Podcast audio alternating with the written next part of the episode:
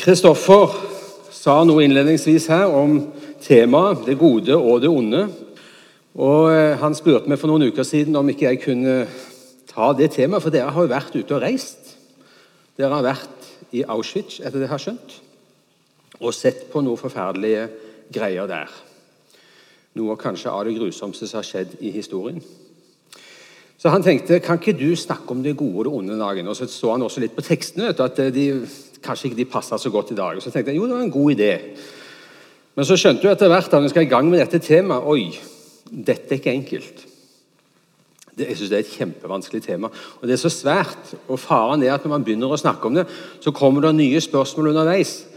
Så jeg kan ikke love at dere når jeg er ferdig med dette, at dere da har fått svar på alt. Eller det har dere ikke. Men kanskje har jeg gitt dere noe videre på veien i forståelse. For jeg vil ønske å gi dere litt forståelse ut fra hva Guds ord lærer oss om disse tingene. Men skal vi først samle oss og be til Jesus? Ja, gode Far, takk for at vi igjen kan komme sammen her i kirken som dine barn. Og alt er på grunn av din nåde, fordi du har frelst oss ved det du gjorde for oss på korset. Og du har gjort oss til dine barn ved troen på deg. Takk for at du er her nå. Og nå ber jeg om at du må hjelpe meg og være hos hver enkelt her og tale til oss. Kom, Hellige Ånd, og forklar, og la oss se hva dette handler om, og hva ditt ord sier om disse tingene. Så Disse tingene er vanskelig å forstå, det er vanskelig å ta til oss. Men vi trenger deg, Herre. Så kom, Hellige Ånd, og hjelp oss nå hos hver enkelt. Og la oss få være stille for deg nå i denne stunden. Det ber vi om i Jesu navn. Amen. Hvor mange filosofer og teologer har, og vitenskapsmenn som har beskjeftiget seg med dette spørsmålet om det gode og det onde, det har ikke jeg svar på. Men det er ikke få opp gjennom historien som har prøvd å klekke ut svaret på dette her og gi oss et, no, en tilnærming som kan gjøre at vi kan leve og forstå den verden vi lever i. Som kan være ganske heftig mange ganger. Og Det er ikke få ganger jeg har hørt mennesker si 'Jeg kan ikke tro på Gud' når det er så mye ondt i verden. Det kan da umulig eksistere noen Gud når det er så mye fælt som skjer. Eller så vil man kanskje si at hvis det er en er han i hvert fall ikke allmektig, og han er i hvert fall ikke god. For hvis han var den minste god, så kunne han ikke sitte og sett på at alt dette skjedde rundt oss. For, år, for, mange år siden så flyttet mine foreldre til Danmark. Eh, min far jobbet i Århus. og Der nede ble jeg kjent med noen karer som ble kamerat med. Bruno og Lars het de. Eh, og så var det, så gikk, ble jeg kjent i flere år, men så var det en sommer i 95. Så er det han Bruno som er ute og kjører bil og krasjer og dør momentant. Og han kameraten som var igjen, Lars, han sa da, husker jeg så godt da var ikke han, De var ikke troende på det tidspunktet, noen av dem. Men han sa likevel da det at ok, dette var et bevis for meg at Gud ikke fins. Hvis Gud fins, så kan han bare ikke la sånt skje.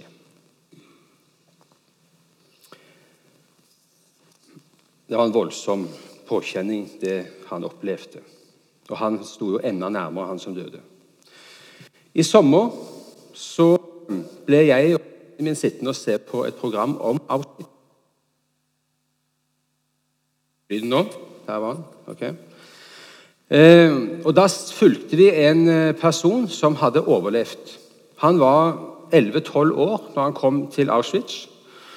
Og så overlevde han fordi han, han ble spurt om hvor gammel han var. og Så sa han at han var 15-16 år, og at han var flink med hendene.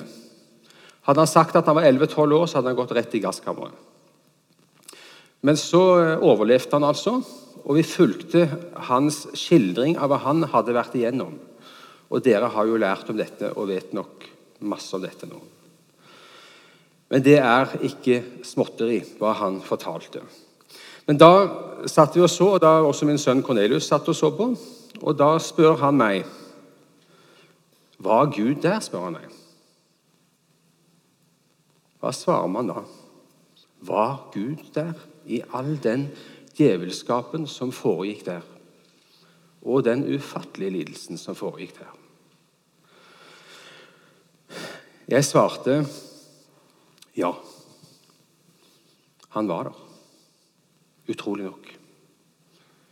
Uansett hvor fjernt og meningsløst og vanskelig det er for oss å forstå, han var der. Hvert sekund, faktisk. Og så er det én ting Gud ikke har gitt oss å forstå ennå. Vi er ikke gitt å forstå alt det onde som skjer. Det er ikke gitt oss. Vi kan ikke si at når en ulykke inntreffer, så skjedde det fordi den og den personen hadde gjort det. Eller når det kommer en naturkatastrofe, så kommer den i det landet eller det folket har gjort masse gærent. så Derfor straffer Gud. Det sier Skriften ikke noe om. Riktignok skjer det i Bibelen noen ganger, at Gud gjør det, men det kan ikke si i vår tid.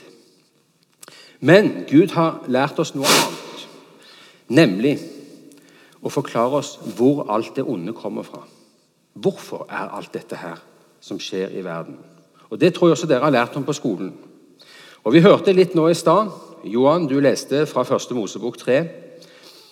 For vi hører om i Bibelen at når Gud skapte verden, så var alt såre godt. Det var ingen smerte, det var ingen nød, det var ingen sorg. Det var ingen lidelse. Det var rett og slett fullkommen. Så skjer det et fall. Menneskene er ulydige. De bryter det ene budet som Gud hadde sagt. Det der skal dere ikke gjøre. Da må dere dø. De spiser eplet. Slangen, djevelen, lokker dem. Og de ble plutselig døende. De mistet livets tre. Og Så står det at jorden ble forbannet det her. Det er ikke småtteri hva som er følgende av det. Og At jorden ble vannet, det vil si at den ble smittet av synden. Den kom inn under dødskreftene. Alt sammen, hele skaperverket, brytes ned og er i ubalanse den dag i dag. Det forteller Guds ord. Det er ikke bare vi, men hele skaperverket. Og Så vet vi også i dag at mye tyder på at vi mennesker er med og bidrar til dette. På mange forskjellige måter med vår harde bruk. Men så sa Gud noe mer. Gud sa noe mer til djevelen. Og det han sa, som Johan leste Han sa han skulle sette fiendskap mellom kvinnen og djevelen.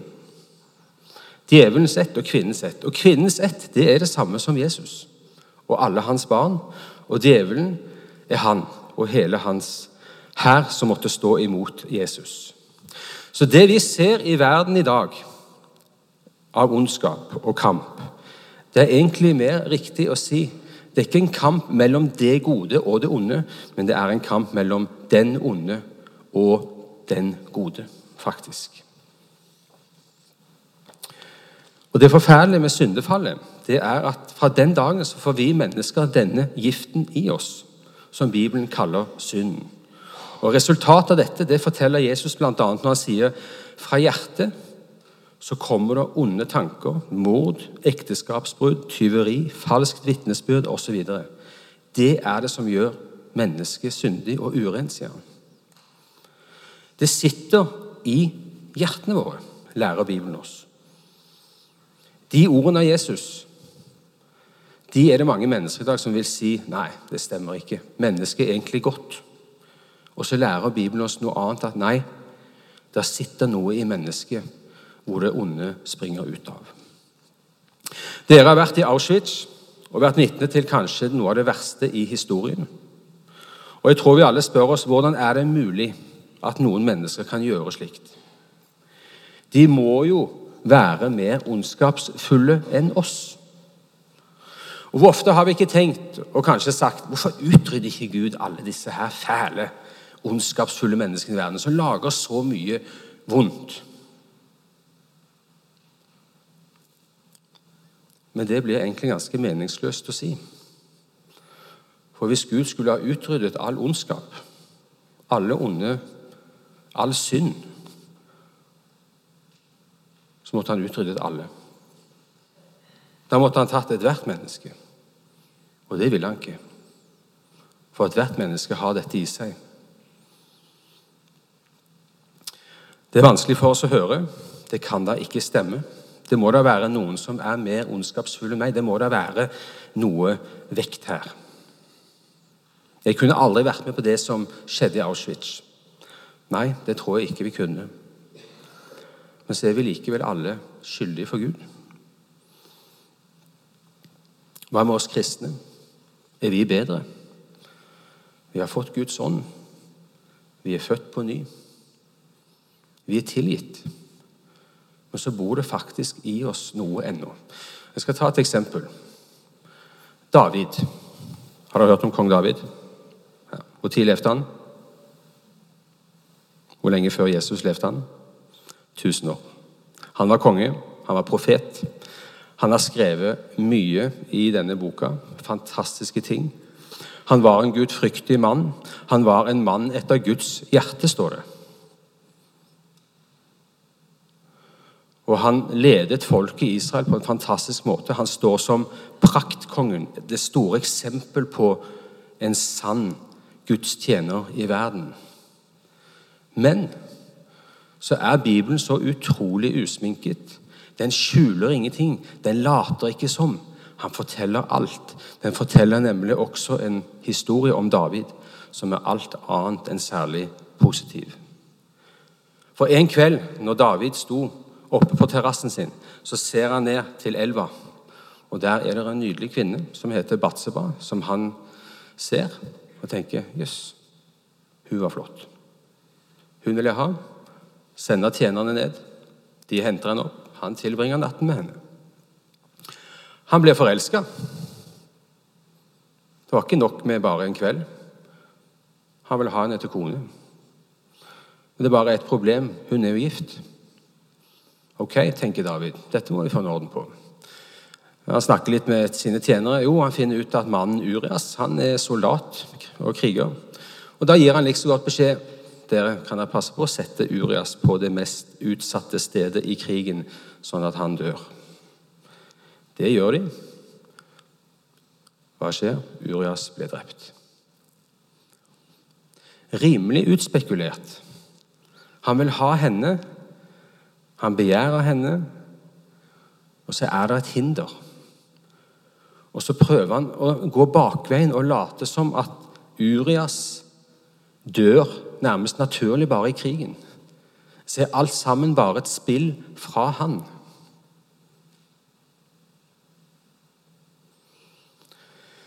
Han så ikke det. Han, han enset ikke hva han holdt på med. Han var jo en Guds men her blokka han.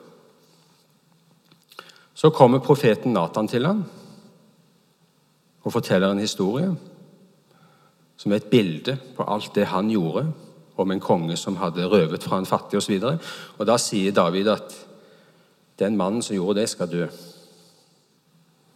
Og da sier profeten til ham, 'Du er mannen'. Og Det er ganske interessant, for da felte David en dom over seg selv. Han dømte seg selv til døden fra det han hadde gjort. Han skjønte bare ikke med en gang at det var han. Men sånn er det også for oss. Når vi snakker om det onde, så ser vi ofte alt det ute i verden.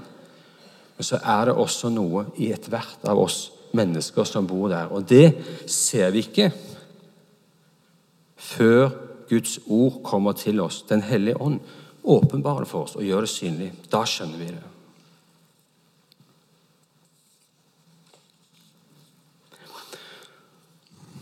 Johan leste fra 3. Mosebok, første Mosebok 3 om fiendskap mellom djevelen og Jesus, som går gjennom historien. Men så sa han noe mer. Han sa noe veldig spennende. For Han sa nemlig at kvinnens ett skal ramme ditt hode. I den gamle bibeloversettelsen sto det kvinnens ett skal knuse ditt hode. Og så skal djevelen hogge i hælen. Det som Gud sier der til djevelen, det er det første evangelium som forkynnes. For der varsler Gud at en dag så skal Gud gjenopprette alt det som nå har skjedd. Og det skal skje ved at en fra kvinnens ett, dvs. Si Jesus, skal knuse det han gjorde nå, altså djevelen. Og det har skjedd. Det skjedde i ca. år 33. i Jerusalem. Og hvordan gjorde Gud det? Åssen knuste han djevelen? Var det med våpenmakt og raketter og tanks? Nei. Han sender sin sønn. Kommer han da med engler og en full hær for å krige? Nei. Han kommer ridende inn på et esel inn i Jerusalem. Setter han seg på tronen i Jerusalem for å herske der når han kommer ridende inn? Tar folkene i Jerusalem og gjør han til konge? Nei. De tar han og til fange. Plager han, slår han, piner han, nagler han opp til korset og dreper han. Dette er ondskapens høydepunkt i historien. Menneskene korsfester sin egen Gud. Det er det som skjer. Men det som er helt sprøtt å tenke på, det er at Gud bruker dette til å seire over djevelen. Djevelen trodde han hadde tatt Jesus. Han trodde nok han hadde gravd en grav til Jesus. Men han falt selv i ham. Og Jesus seiret over ham. Paulus sier i et av sine brev om det som skjer på korset, han sier at Jesus kledde maktene og åndskreftene nakne og stilte dem fram for seg til spott og spe da han viste seg som seierherre over dem på korset.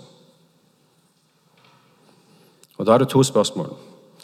Hva skjer når Jesus dør på korset, og hvordan kan dette være en seier? Hvordan reagerer vi på urett? Vi vil hevne oss, vi vil ta igjen, vi blir sinte. Tror dere Gud blir sint over urett og ondskap? Tror dere det? Det tror jeg òg. Eller rett og slett, jeg vet det. Han blir rasende over all synd og ondskap som foregår. Men heldigvis så lar ikke Gud sitt sinne og sin vrede over all synd og ondskap i verden komme ut over oss, for det hadde vi ikke tålt. Han gjør noe annet. Han lar det ramme Jesus sin egen sønn. Så når Jesus dør på korset, så bærer han straffen for alle vår synd, hele verdens ondskap. Og Når Jesus henger på korset, så sier han til de som ler av ham, tilgi dem. De vet ikke hva de gjør. Han ble spurt av sin far vil du gjøre dette. Jesus går frivillig opp for deg og for meg, for oss, for hele verden.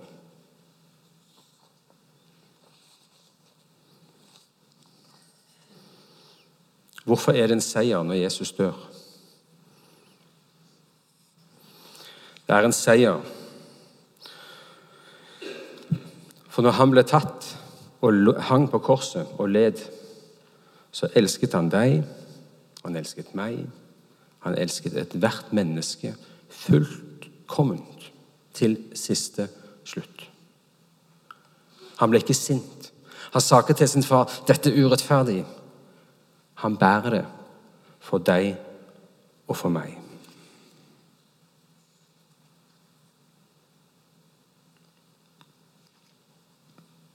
Men nettopp fordi Jesus var fullkommen Han gjorde ingen, ikke noe galt, for han er den gode. Da kunne heller ikke døden holde han. Han var sterkere enn døden fordi han var ren og fullkommen. Og Derfor står han opp igjen og seirer over det onde. Han seier over djevelen, han seier over synden, han seier over døden. Det er full seier. Sjakkmatt til djevelen.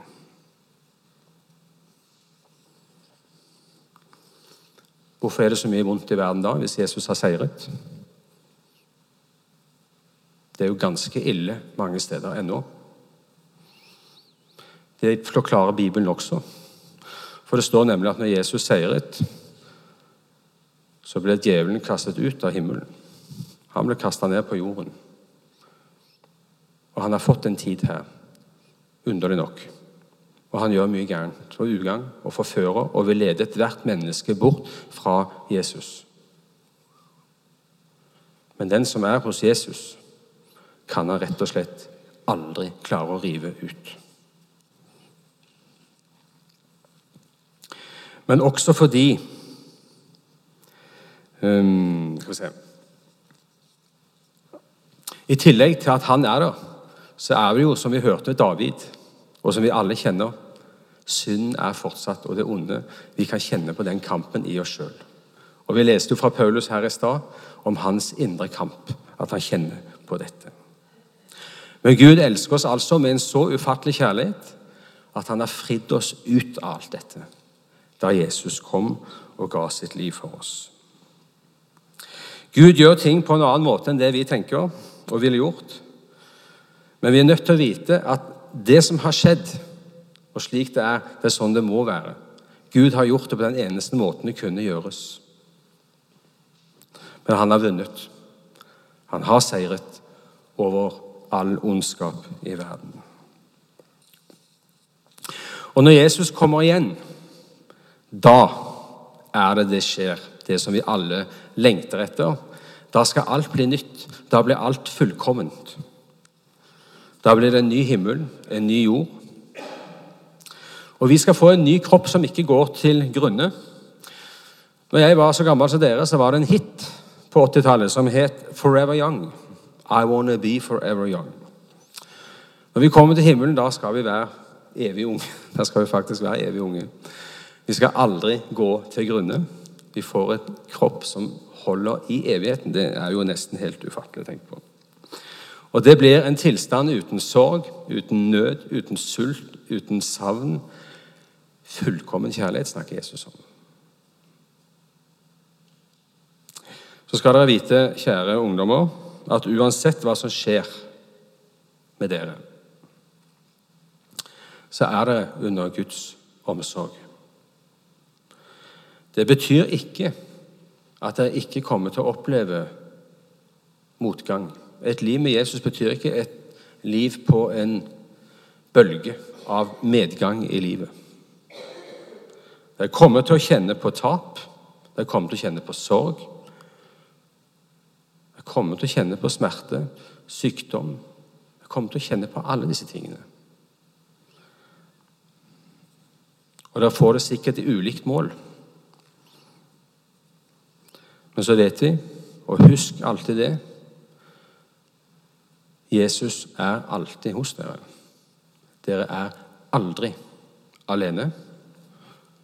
Ikke et eneste øyeblikk er dere overlatt til dere sjøl, uansett hvor mørkt det kan se ut noen ganger.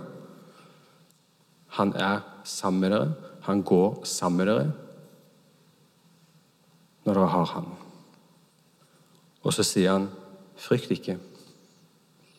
Jeg har seiret.' Vi ser ikke ennå alt, men en dag skal vi se det. Amen.